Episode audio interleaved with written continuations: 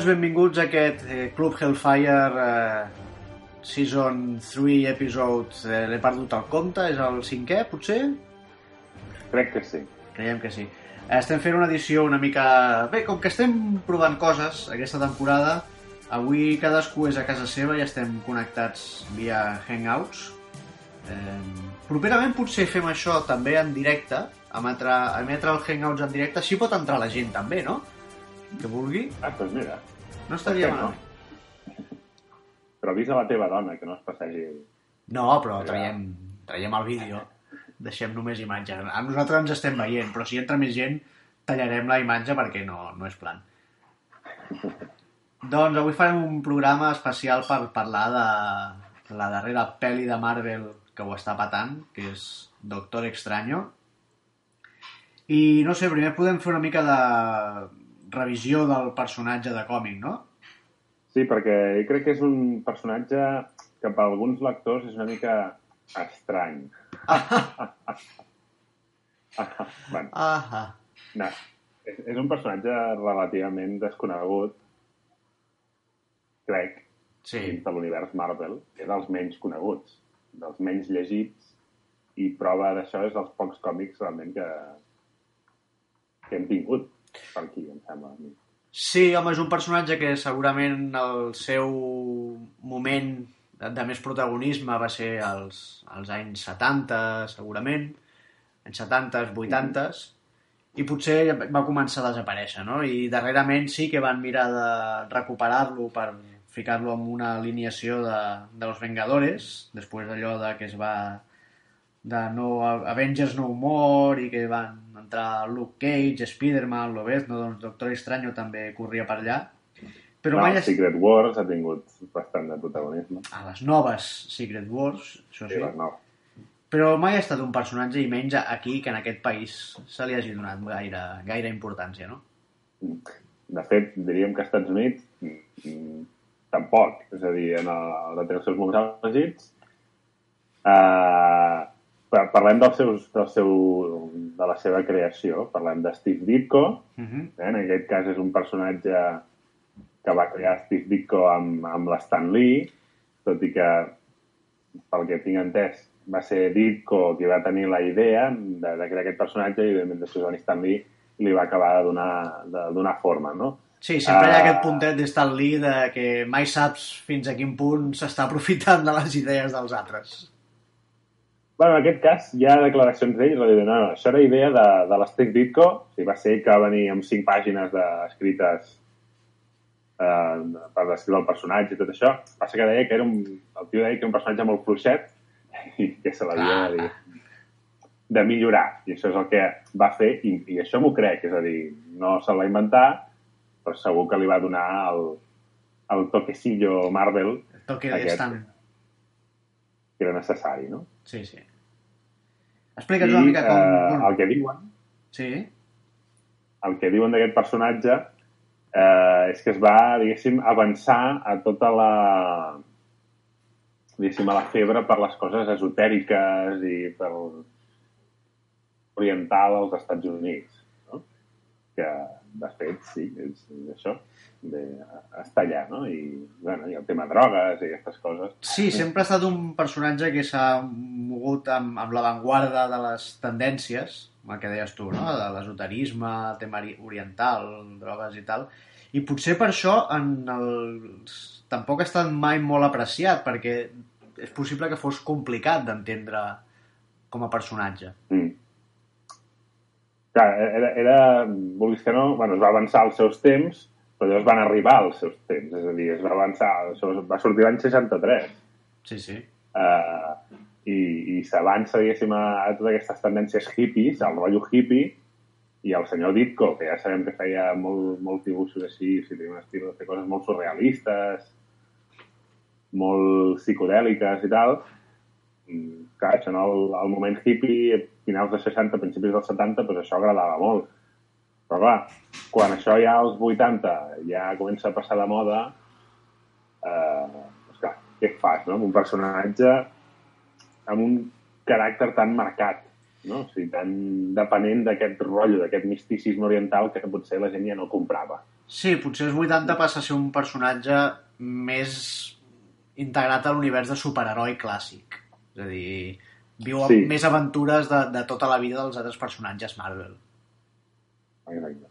I quan la gràcia que tenia es veu, jo ja per lo que jo he llegit, eh, que era que estava traient a, un, a uns lectors que potser veien, veien en aquest personatge un, un superheroi diferent. Era, clar, era, no tenia res a veure amb Capitán Amèrica, amb Iron Man, amb els Quatre Fantàstics, no tenia res a veure. Una cosa molt diferent. Uh, però clar, aquest és el problema, principalment, en el seu moment. Ara crec que no, que, No. que ja no és un problema. No, jo crec que ara que han obert, No tot. han obert les portes de, del gènere a tothom, o és la intenció, com a mínim, a nivell comercial, eh, com amb més gent arribis, molt millor, tu, escolta'm. Ara ja no s'estan per tonteries. Mm -hmm.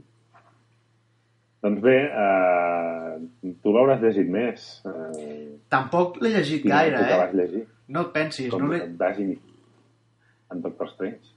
No, no l'he llegit gaire, eh, però sí, i menys en aquella època, perquè mm, quan començo a llegir còmics entren més els superherois clàssics i, i sobretot mutants, són aquells 80 que dèiem que ell ja desapareix una mica com a personatge de pes dintre l'univers Marvel, no?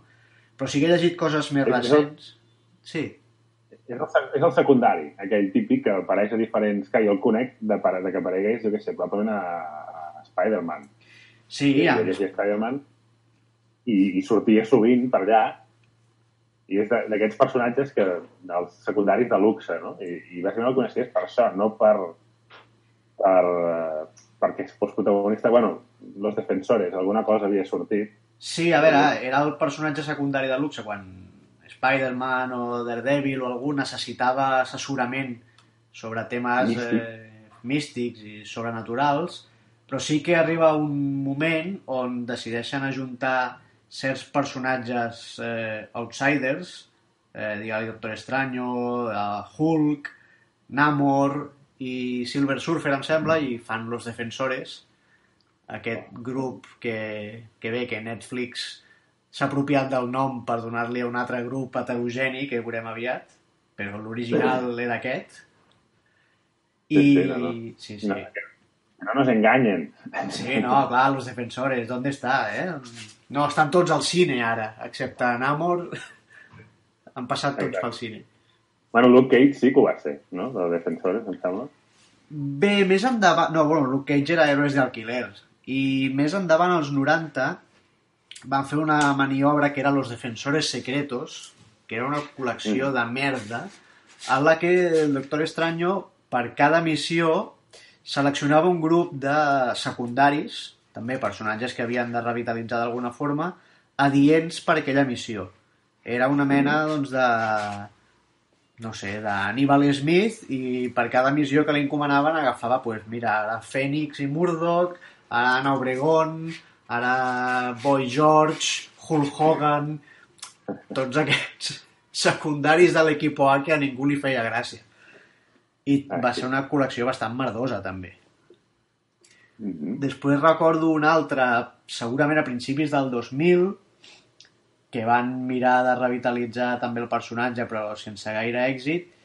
I del darrer que he llegit és aquesta minissèrie que es diu El Juramento, Mm -hmm.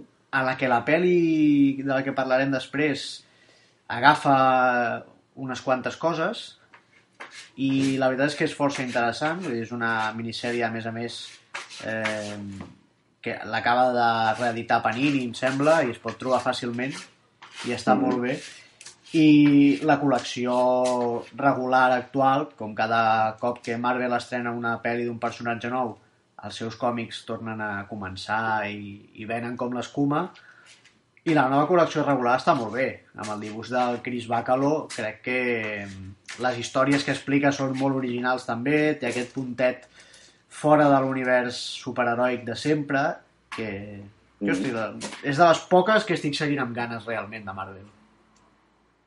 No, no, jo... mm, Si no ho he anunciat ja, però jo vaig deixar la grapa, definitivament, Oh, després de molt de temps, tot i que em vaig ara comprar només veus prim- Limoncello. Uh, sí. I va, vaig comprar-me alguns del Doctor Extraño, però ja m'espero que surti ja paperback d'aquests, no? Sí, de fet, la primera meitat, els cinc primers números americans ja ha sortit amb, amb paperback recu recopilat i, Mm. i ja està, està prou bé, està prou bé. Perquè... Però diguem que ja la resta, tot el que són col·leccions regulars, típiques de mutants i aquestes coses, eh, he hagut de dir adéu a Marvel. Sí, home, hi ha molta gent que ho està fent, perquè darrerament poca cosa de qualitat estan traient, però un dia podrem fer un programa de, dels còmics que s'estan publicant actualment, què val la pena?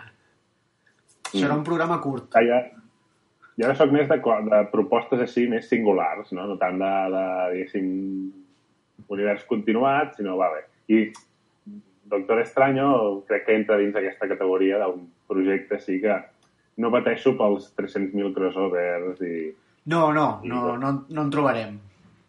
perquè no, no crec que n'hi hagi. No? No. Però bueno, nos vamos. Uh, hem de parlar de la peli, Sí. però abans m'agradaria fer una repassada a pel·lícules de Doctor Extraño que hi ha hagut abans. Perquè Sí. ja, si rebusqueu en programes antics, fer un programa sobre les pitjors pel·lícules de Marvel de la història, que n'hi ha moltes, eh, N'hi ha prèvies més- a tot el... N'hi ha més de les que pensàvem. Sí, moltes més de les que pensàvem, i una de les que vam descobrir va ser precisament la de Doctor Strange, uh, TV Movie, TV Sí, sí. Movie, de l'any 78, que és allò, en el fons, és quan ja el personatge ja comença a perdre una mica... El seu tirón, sí. saps, el tirón, i surten els tios amb un... L'any 78, quan el tema hippie ja, ja està, ja està mort, realment, pràcticament, una pel·li molt hippie. I veus un personatge vestit com un hippie, que fent les seves coses psicodèliques i tal, eh, i dius, mm, no. Va ser una pel·li d'aquelles que a mi em va costar molt. Sí. 93 minuts. La teniu a YouTube. A YouTube, si busqueu, la trobeu sencera. No sé si eren 4 o 5 La voleu parts. sencera, si la voleu veure, doncs vosaltres mateixos, però és que és un despropòsit total. És no pot ser una pel·li de. Doctor Strange. No pot ser una TV movie de Doctor Strange. No? Seria una mica la, la idea. Home, però provaven de fer pel·lícules de tot. Vull dir, mm, la de Capitán Amèrica tampoc era gaire espectacular. I altres, altres intents que van fer, dels que vam parlar en aquell programa, per tant, jo crec que provar de fer una Doctor Extraño era bé. S'ho podien cert. permetre, a veure què tal. No- Notícia d'última hora. Eh, Ai. la pel·lícula s'ha editat fa 15 dies en DVD a Estats Units i Canadà. Eh? La Doctor Extraño? Sí, sí. Oh, Eh, tela. No, no, i ho patarà. I, bueno, a veure, bueno. Home, jo me la compraria només per Veus? Ja està. dos dòlars, jo me la compro. Ja està, ja tenen una venda feta. Més de dos dòlars no, eh, però... doncs bé, el que hem descobert fa poc és que hi ha una altra pel·lícula de Doctor Extraño sense ser pel·lícula de Doctor Extraño. No, això m'ho has descobert fa molt poc i la veritat és que és, és força curiós. Tens tu la història, no? Una mica de com va Eh, La anar. pel·lícula és de l'any 92, Sí. Dura 74 minuts, per tant, eh, si, si, si fa mal serà, serà breu. Sí, millor. i es diu Doctor Mordred i era una pel·lícula que originalment s'estava fent amb els drets per fer Doctor Extraño uh, però van expirar. O sigui, abans que comencés la producció, els drets van expirar i bàsicament el que van fer és reescriure el guió i mm, Canviar noms. Doctor, Doctor Mordred, canviar-li el nom, però tu mires el tràiler, busqueu el tràiler de Doctor Mordred i veureu que és, que és Doctor Extraño totalment. Està ple de- d'elements fins i tot hi ha com un ojo de Agamotto per allà, una Sí. cosa rodona que va apareixent. Porta un medalló... Home, a mi el que, me, el que més m'ha sobtat, t'ho he de dir ara, és el, el pelazo del dolent. Sí, Sí, és un sí. pentinat que diríem característic molt d'aquella època, de principis del 90, sobretot a lluitadors de pressing catch. Sí, sí. I- Bueno, és, uh, és uh, el, el Brian L. Thompson, el dolent, que, que sortia, que sortia Terminator, sortia a, a Expediente X i eh, surt, atenció, aquest tio també ha sortit a la paròdia de Los Mercenarios. Oh, hòstia, hi ha paròdia de Los Mercenarios? Es diu The Extendables. Però segur que és paròdia o és la versió porno? Uh, no, no, és paròdia, paròdia. De- Del 2014, eh, protagonitzada per, per aquest senyor, vale? es diu The Extendables. Mare meva. Hi ha... Ojo. Però bueno, aquí, Dr. Mordred, busqueu-la a YouTube, que per cert també està sencera a YouTube. Uh, Què faríem sense YouTube i aquestes joies? Uh, jo crec, la, la miraré, eh? Jo crec que pot ser millor, tot i ser una cutrada dels anys 90, pot ser millor que la de l'any 78. Eh? Sí, home, a veure, no és molt difícil. No és molt difícil. Gens. Visualment... A veure, sembla tenir més acció, perquè la de l'any 78 recordo que parlaven molt. Era el Doctor Estranyo i dones bevent molt i asseguts a sofàs i xerrant. I, i tripis. Sí, sí. Que una mica ja és el Doctor Estranyo abans de convertir-se en Doctor Estranyo. Sí, sí. Potser era una preqüela. Pel·li de... Això mateix. Mire, mireu la del 78 i després mireu la bona. Sí, mirem la bona, que definitivament potser no és Doctor Mordred, sinó és la que es va estrenar farà unes setmanes, que és la de. Marvel, que és Doctor Strange, que si vols ens posem a comentar-la ja directament. Som-hi. Va. Va, Doctor Estranyo, dirigida per Scott Derrickson, un senyor que ve del gènere del terror, no? Aquí potser tu tens més, més mà que jo, segurament. Doncs mira, aquest home, precisament, no. No ho tenies gaire controlat. Bueno, Perquè de... ha fet coses... Ha fet que, que, diguéssim, que quan vaig a Sitges, la, la meva parella no, no em deixa anar a veure. Vale. Li fa... Bueno, de l'exorcismo de Emily Rose Emily Rose, sí. no. Havia dirigit... Bé, havia dirigit també Ultimàtum a la Tierra, Uh, que... Molt bé. Sí, no, a veure, tothom té alts i baixos. Però està clar que aquest toc de venir, ja no potser tant del cinema del terror, sinó del cinema fantàstic, eh, aquesta mà es nota molt dintre de Doctor Sí. Extraño. O sigui, Sí, sí, clar. ja, ja no només visualment, sinó a l'hora de l'argument i tot això. I sobretot amb un punt que a mi em va sorprendre molt, que ja en parlaré més endavant, que és la resolució final del conflicte de la Mhm. pel·li. Que aquí sí és on més segurament se surt del gènere, no? És, és el, el moment psicodèlic eh, 60s i tot això de la pel·li, totalment. La gent ho veurà com algo molt nou, però en el fons és algo molt clàssic. Sí, realment. sí, sí.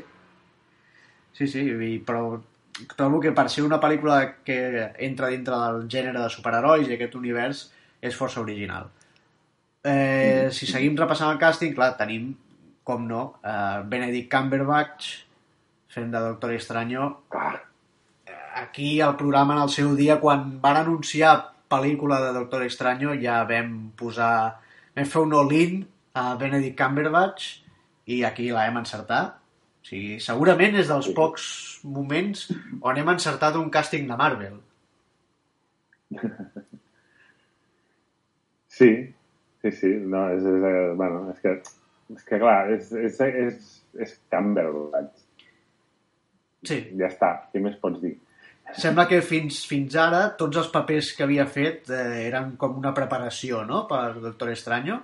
És una barreja de...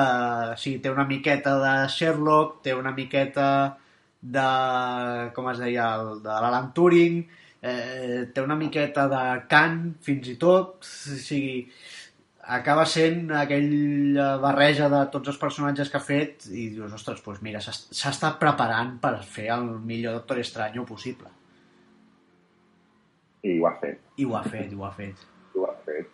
Uh, S'ha de dir que jo ja, alguna crítica que, que he sentit por ahí de la pel·li Sí, és, en el fons no és una crítica de la pel·li, però clar, ja portem unes quantes pel·lícules de l'origen d'un personatge i la gent com que es cansa una mica d'això de otra peli de los orígenes de... Però bueno, és que precisament un personatge així és el que...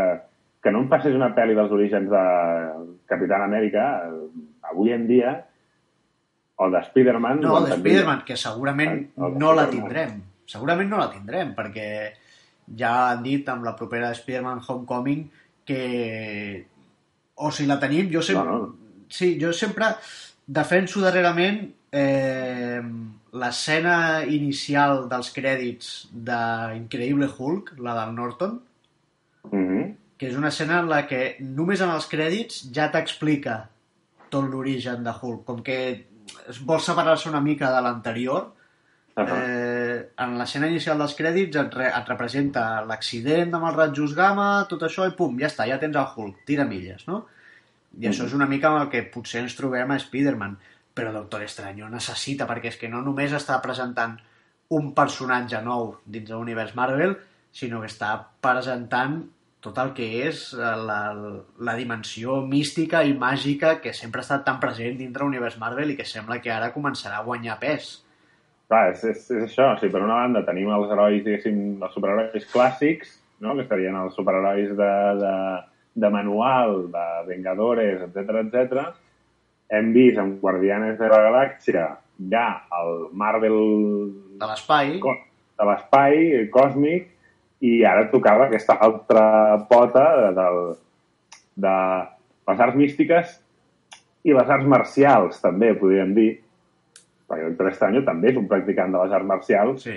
i, de fet, quedaria molt bé amb, amb, amb Puño de Hierro. Sí, No? sí, sí, està clar. I, Són bueno, pa- encara està per veure. Està per veure, però en el fons, doncs, tots això, aquests personatges com Daredevil, els personatges de Netflix, menys potser Luke Cage i Jessica Jones, però Daredevil o, o Puño de Hierro són personatges que encaixen també amb el, amb el rotllo místic, oriental, etc etc que també té Doctor Strange. Home, clar, el tema de la mano i tota aquesta, aquesta frontera que no existeix a Marvel entre el món oriental i la màgia és, és on encaixen més bé. Per mi hi ha el moment que dius tu, que és que és el moment en què Wong, el, el seu, en aquest cas, bibliotecari de- d'allà a la ciutat on va entrenar-se i el seu acompanyant, per dir-ho així, li explica, diu, clar, los vengadores defienden la tierra de alian- de las amenazas físicas i Exacte. nosaltres de les místiques. I això, amb aquesta descripció jo crec que deixa ben clar quin és el paper que pot jugar el Doctor Estranyo dintre de l'univers. Mm -hmm. Bueno, i la- l'escena, no la postcrèdits, sinó la- l'escena precrèdits, Sí, encara no direm que, que qui surt, però diguem que allà ja, es, ja eh, primer que sembla que ja ens estalviarem potser el típic combat de quan es coneixen personatges nous, no? Això sembla que, que ens Sí. estalviarem. Però això, I I... que- deixant de banda Vengadores, la primera, en el moment Thor, Iron Man, Capitán Amèrica, que jo crec que s'havia de fer perquè són els tres pilars del grup, Sí. tampoc ho hem vist gaire dintre de les pel·lis de Marvel. Mm. No tan forçat així. Sí, home, aquella escena ja, ja no només eh, t'ensenya que ja, ja coneix els altres personatges de, de l'univers Marvel, sinó que em fa la sensació que ha passat un temps des de, la pel Sí. des de que acaba la pel·lícula fins a que trobem aquesta escena. Perquè amb ell, més... no dic, amb ell se'l veu més assentat amb el personatge, ha canviat, de fet, eh, l'escena comença ensenyant-te els guants taronges que du als còmics, que dius, ostres, que, que guai, però era una mica potser ridícul amb el personatge, però en aquella escena postcrèdits va vestit molt més en els còmics que durant la pel·li. Mm -hmm. Bueno, seguim repassant el, el càsting. Tenim... És un càsting eh, difícil de pronunciar. Aquí, Marvel... Clar, tot el tema místic, oriental, han posat noms estranys.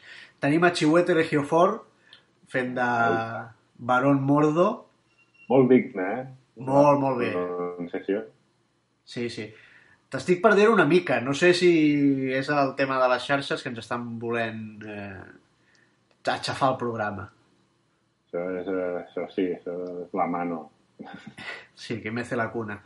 Doncs Chiwetel Ejiofor fa de Baron Mordo, que bé, pels lectors de còmics no sorprendrà perquè és un diguem-ne que és l'arxienemic de, del Doctor Extraño Però en aquest cas comença com mm, la persona que el troba perquè ell bé, explica'm una mica la pel·lícula perquè ja no està, estem parlant sense haver-ne sense haver dit res eh, Clar.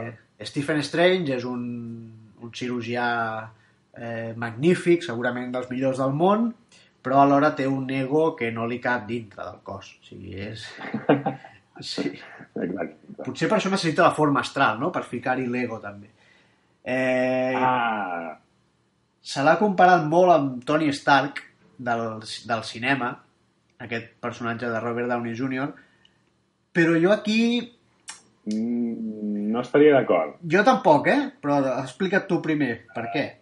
Uh, no, a veure, o sigui, Tony Stark és un tio amb un ego, però que cau simpàtic. És a dir, és un, és un d'aquests tios que...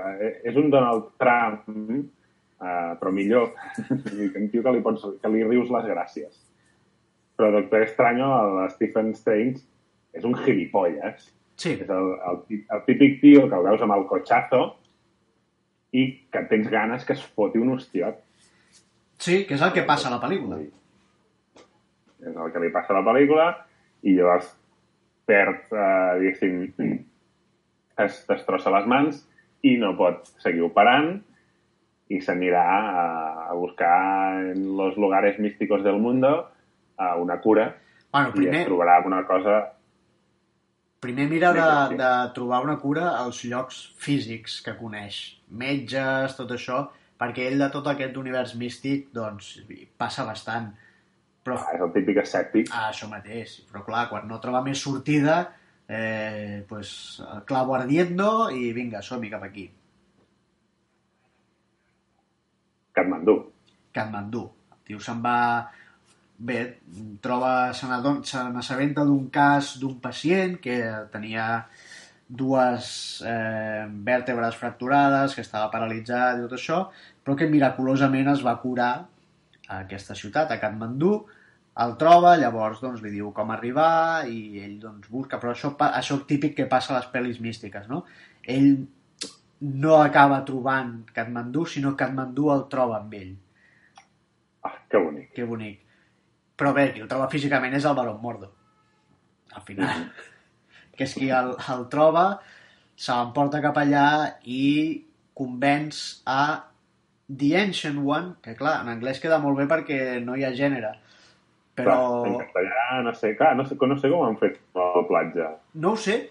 La veritat és que, clar, The Ancient One era el personatge de còmic que aquí es coneixia com a l'Anciano, que era una d'aquestes entitats semicòsmiques de l'univers Marvel, eh, molt gran, que, eh, que no moria mai, i clar, era un senyor. I aquí a la pel·li doncs, l'interpreta Tilda Swinton, que és una senyora. Una actriu també interessant. Sí, bé, jo crec que han agafat aquesta, aquesta actriu que, bueno, tant et podria passar com un senyor com per una senyora, no? Per donar-li aquest punt eh, mig eteri, eh, misteriós al personatge, que jo crec que ho fa, ho fa bastant bé.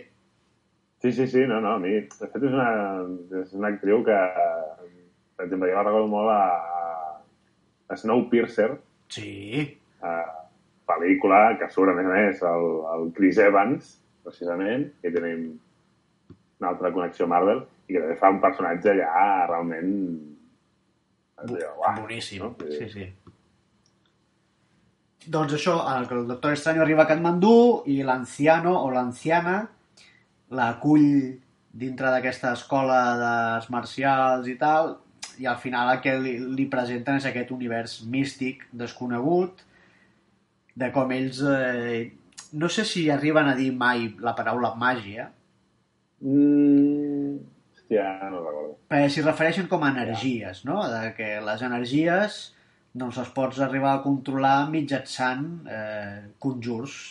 I ja tampoc sé si Sí, sí diuen que hi ha un moment, conjurs. sí que hi ha un moment al principi que diuen, que diuen màgia, però allò com... Allò... De forma despectiva, sí.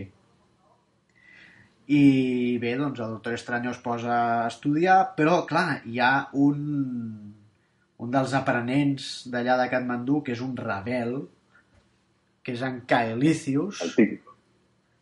el típic rebel interpretat per Mads Mikkelsen, també d'aquí gràcies Marvel, per posar noms fàcils. Aníbal, per la resta de, de mortals, fa de, de Kaelicius. I aquest... Aníbal amb, amb, amb asteroides. De... Sí, bé, Asteroides. Aníbal a Mulleres, después de una mal noche, una mala noche.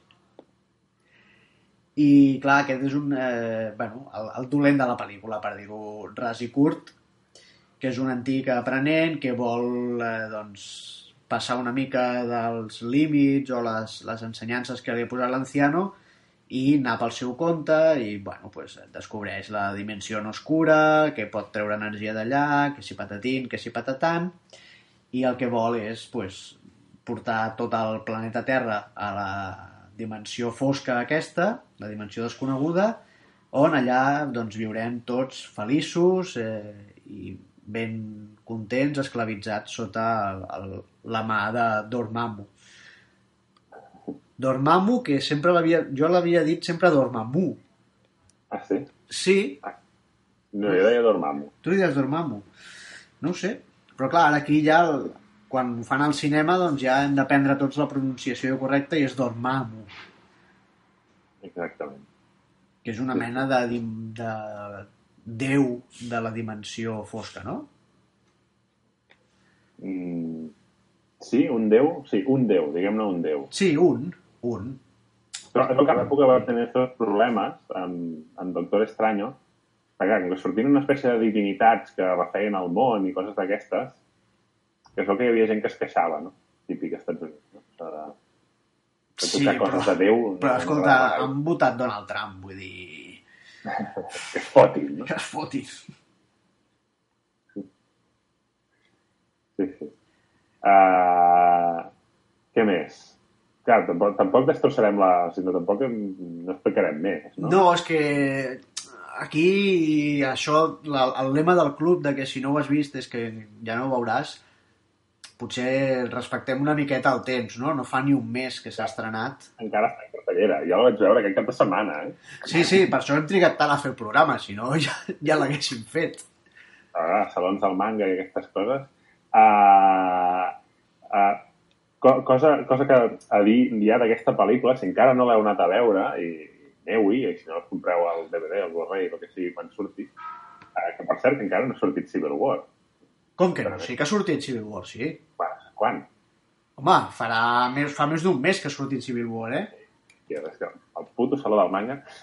Sí, home, fa més d'un mes, eh? Jo ja la tinc en Blu-ray i l'he vist un parell de cops, em sembla. Pues jo encara pues, ni l'he vist. Bueno, en fi. Uh, qualsevol cas, és una pel·lícula, per molt que diguin, ah, una altra pel·li d'orígens, no sé què, quin pal... No, una pel·li d'orígens ben explicada, eh, vull dir, sense cap mena de, de, de no sé, sí, rodona, però és que només a nivell visual eh, és espectacular. És a dir, i, i sí, a mi m'agrada anar al cine de vegades a veure espectacles visuals. Que estic parlant de Transformers.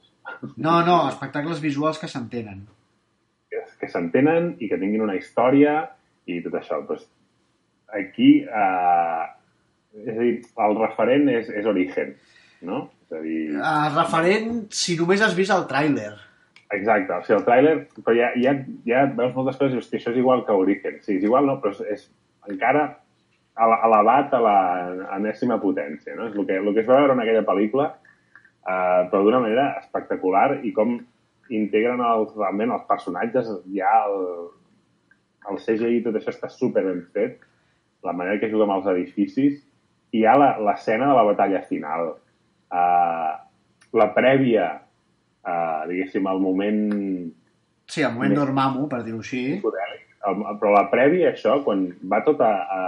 Sí, sí, sí, no, no cal que ho expliquem, però jo és una cosa, és aquest moment, que quan veieu la pel·li sabreu de què estem parlant, que no recordo haver vist mai una cosa similar al cinema. No, no, és, és, és brutal, és brutal. Tot, tot. Vull dir, surts allà i dius, mare de Déu, clar, després els, els crèdits, perquè evidentment espereu-vos a l'escena final, com sempre a les pel·lis de Marvel, eh, clar, la quantitat de gent treballant en temes CGI, No, no, és, és acollonant. Però així com Iron, Iron Man, que és la primera pel·li segurament de producció Marvel que, que inicia aquest univers, per mi ens va deixar veure una cosa que no ens imaginàvem, que era una armadura d'Iron Man creïble al cinema, funcionant, i que dius, hòstia, això visualment és una passada, fins ara no m'imaginava mm. això. Doctor Estranyo també senta les bases de- d'una cosa diferent. O sigui, l'escena final, narrada com està narrada i, i, i com funciona, jo no ho havia vist mai al cinema. Mhm. No, no, és, és, és brutal, és brutal. O sigui, s'ha de veure, s'ha de veure. Per mi està bastant amb... Hauria... Ara cada vegada costa més fer els tops de pel·lis Marvel, però s'haurà de, de, de revisar. Sí, home, a veure... Per mi està lluitant per... Eh, no sé si està dintre o no, hauria de repensar-m'ho bé, eh? però el top 5 està lluitant per ser-hi. Eh, exactament. És a dir, jo crec que podria estar per, en un cinquè lloc. Hauríem de veure... Sí, perquè, a veure, He, he de tornar a veure Civil War per tercera o quarta vegada. aquí està. Un dia haurem de fer un rànquing, un altre programa serà un rànquing de les pel·lícules Marvel. Però que vingui gent i que opinin i que es peguin. Sí, sí, home, aquell dia sí que podem obrir el Hangouts i que la gent entri, surti i, i anem comentant. Sí. Ens hem deixat uh, Rachel McAdams. Sí, oh, sí. Tampoc Que- surt molt. No, no, per això potser ens hem deixat, perquè no surt gaire. Però... Llàstima. Sí, llàstima. Interpreta la... Bé, la... No ben bé relació amorosa del Doctor Extraño. No, Però és sí la- la enfermera de, de, de, de, de noche, no? Això deien, però no realment. Vull dir, sí que el, el nom és el del personatge, però el paper d'enfermera de noche, que és un personatge de còmics també, crec que se li pot otorgar molt millor a Claire Temple, la de l'univers Netflix, la Rosario Dawson. Aquesta sí que interpreta aquest personatge, realment.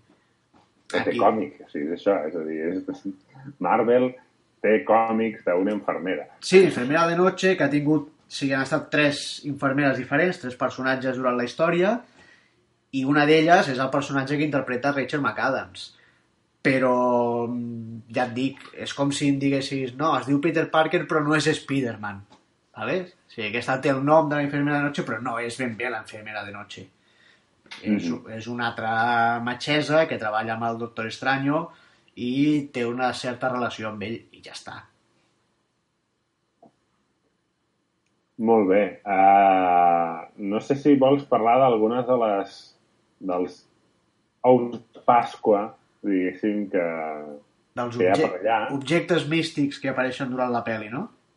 O, jo jo n'hi ha un que aquest sí que me'l guardaria encara, que hi ha un comentari al final sobre el ojo Sí. de Agamotto. Sí, però a veure, no cal ser massa espavilat i havent vist una mica les pel·lis de Marvel i sabent el que ens espera per saber de què estem parlant. Exacte. Què hi ha allà dins? Hi ha una cosa. Hi ha una Què cosa. serà? Una Hi ha- cosa No, hi ha, no hi ha una cosa, hi ha la que faltava. la que faltava, que per cert, si heu vist, i si no heu vist, busqueu el vídeo de què feia Thor durant la Civil War, Eh? l'has vist? Sí, sí, sí. Doncs allà t'explica molt bé moltes coses. Sí, és un gran vídeo. Eh, T'explica molt bé tot el tema del que vindrà, precisament. Sí, no? sí. I allò... És, és interessant, és interessant. Doncs Però sí, bueno. home, d'objectes màgics doncs apareixen bueno, l'Ojo de Agamotto, que és un clàssic de Doctor Extraño, que no en parlarem gaire perquè té certes sorpreses a la pel·lícula, -hmm. i d'entre altres objectes màgics que apareixen, eh, el, el cetro de Watum i altres d'aquests que evidentment tenen noms estranys, clar, el que més destaca segurament és la capa de l'habitació, que és la capa clàssica que ha dut sempre el Doctor Extraño, que té certes propietats, una d'elles és que li permet levitar i volar fins a cert punt, L'altra, que no es fa servir a la pel·li, però potser la veurem més endavant, és que li permet eh, canviar de roba, si és una capa que canvia la seva forma i el seu color i es pot transformar en roba normal. Per tant, ell pot anar vestit de Doctor Estranyo, però a fora sembla que vagi vestit normal. I a la... I, digues. És el moment Harry Potter, una mica, eh? el de la capa. Sí, sí, sí, segurament és el moment més de màgia clàssica de, de la peli. I en els còmics té certa, certa personalitat pròpia, sí, certa autonomia, però clar, aquí a la peli eh, s'ha convertit en un secundari de la Bella i la Bèstia. Molt bé. Sí, jo crec que és la, la millor forma que se m'acut per descriure-la sense explicar gaire cosa més és això, o sigui, és com, com el, una tassa de la Bella i la Bèstia. Ah, hòstia. Bé, a veure, a veure què opina la gent d'això. Per cert, has vist el tràiler de la Bella i la Bèstia? Uh, no, encara no, encara no. Però jo el que et volia preguntar, perquè vas fer un comentari per Twitter Sí. de, de màquina de guerra. Sí, hi ha una... Jo no, jo no ho vaig pillar, això. Hi ha una possible incongruència dintre de, del timeline de Marvel. Eh, aquesta pel·li, clar, no especifica en quin moment està, eh, No. està situada dintre de l'univers Marvel. Però, al principi, amb un pla general de Nova York, sí que veiem la Torre Stark. Sí, això sí. Això sí. Mhm.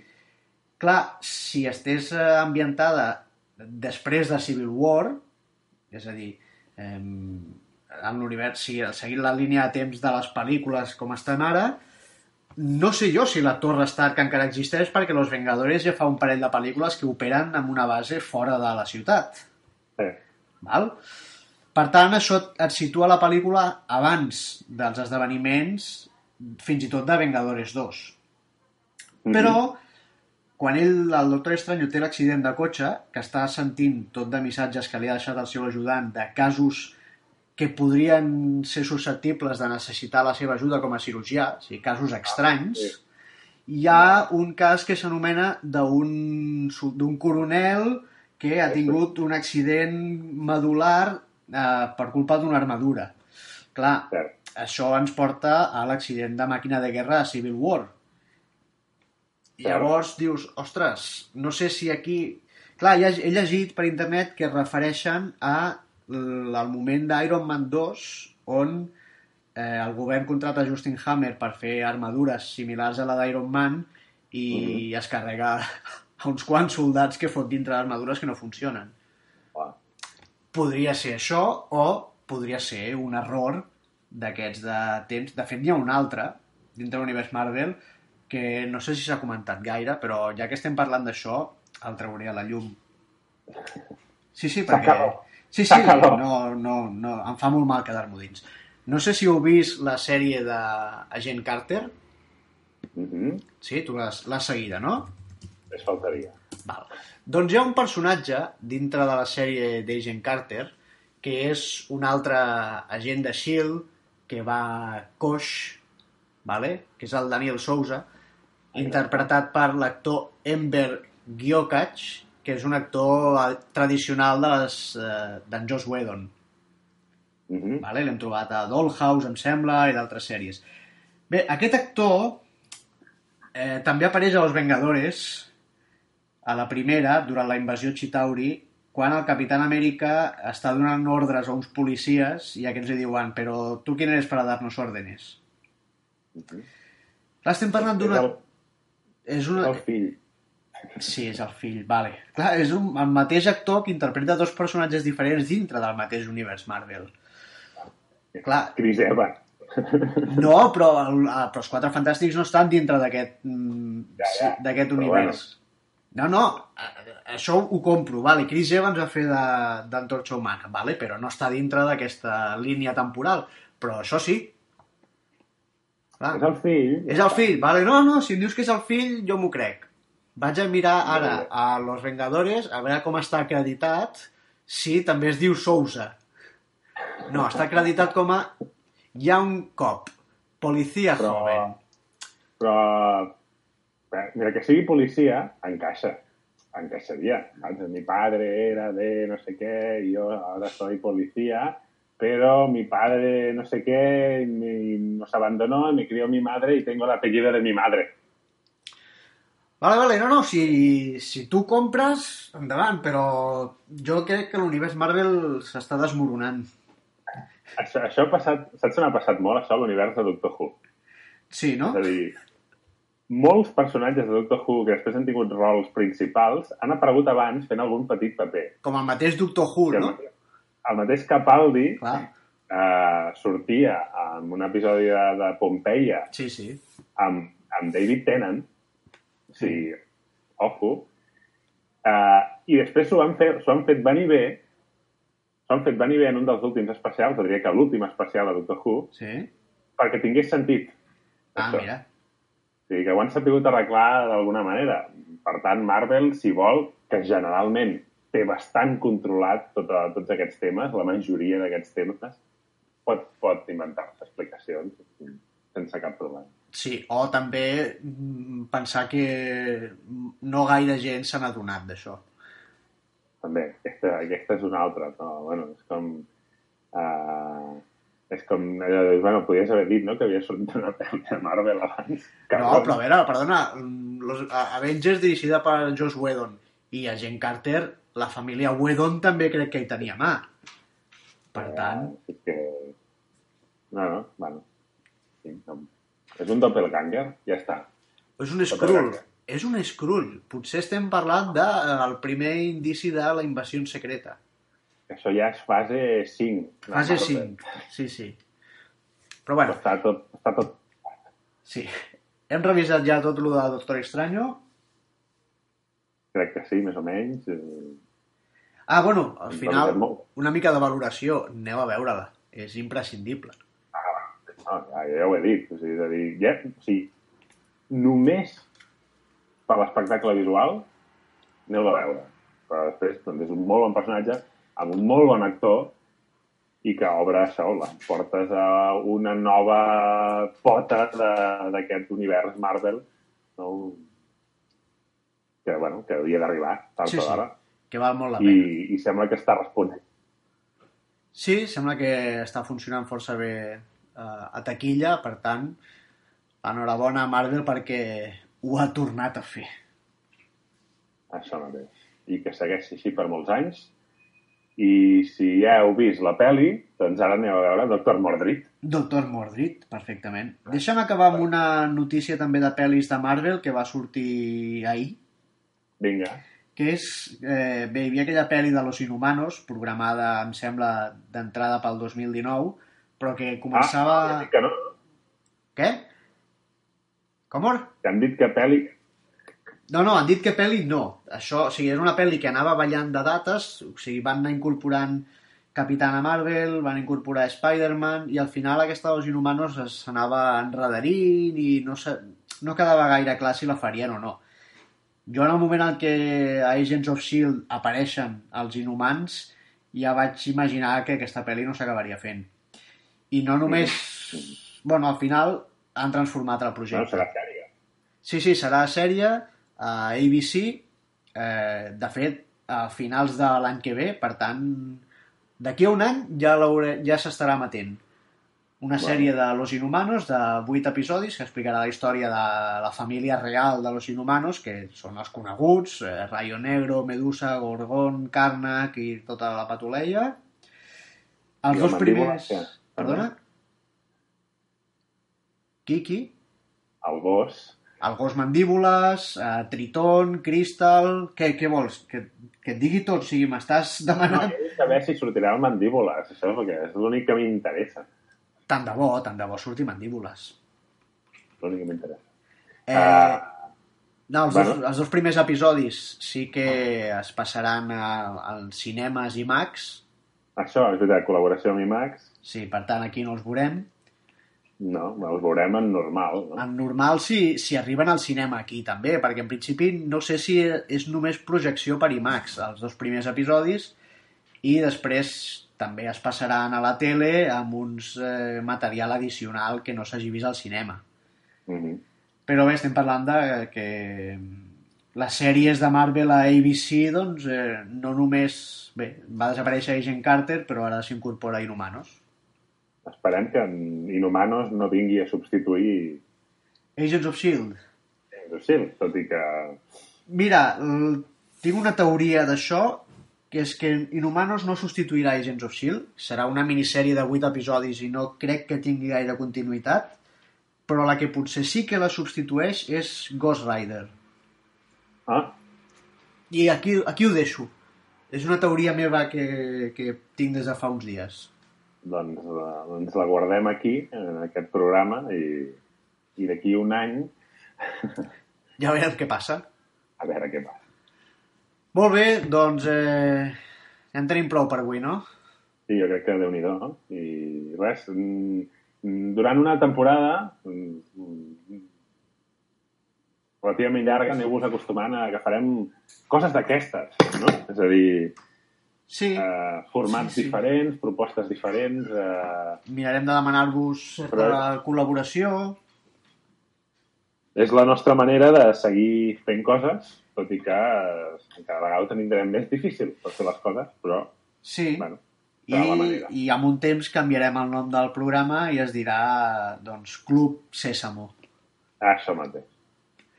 Doncs fins la propera, ja sabeu, eh, ataquem sense avisar i de vegades ho farem enregistrat només, com ara, de vegades en directe, com habitualment, i atents a les nostres xarxes perquè així sabreu quan apareixem.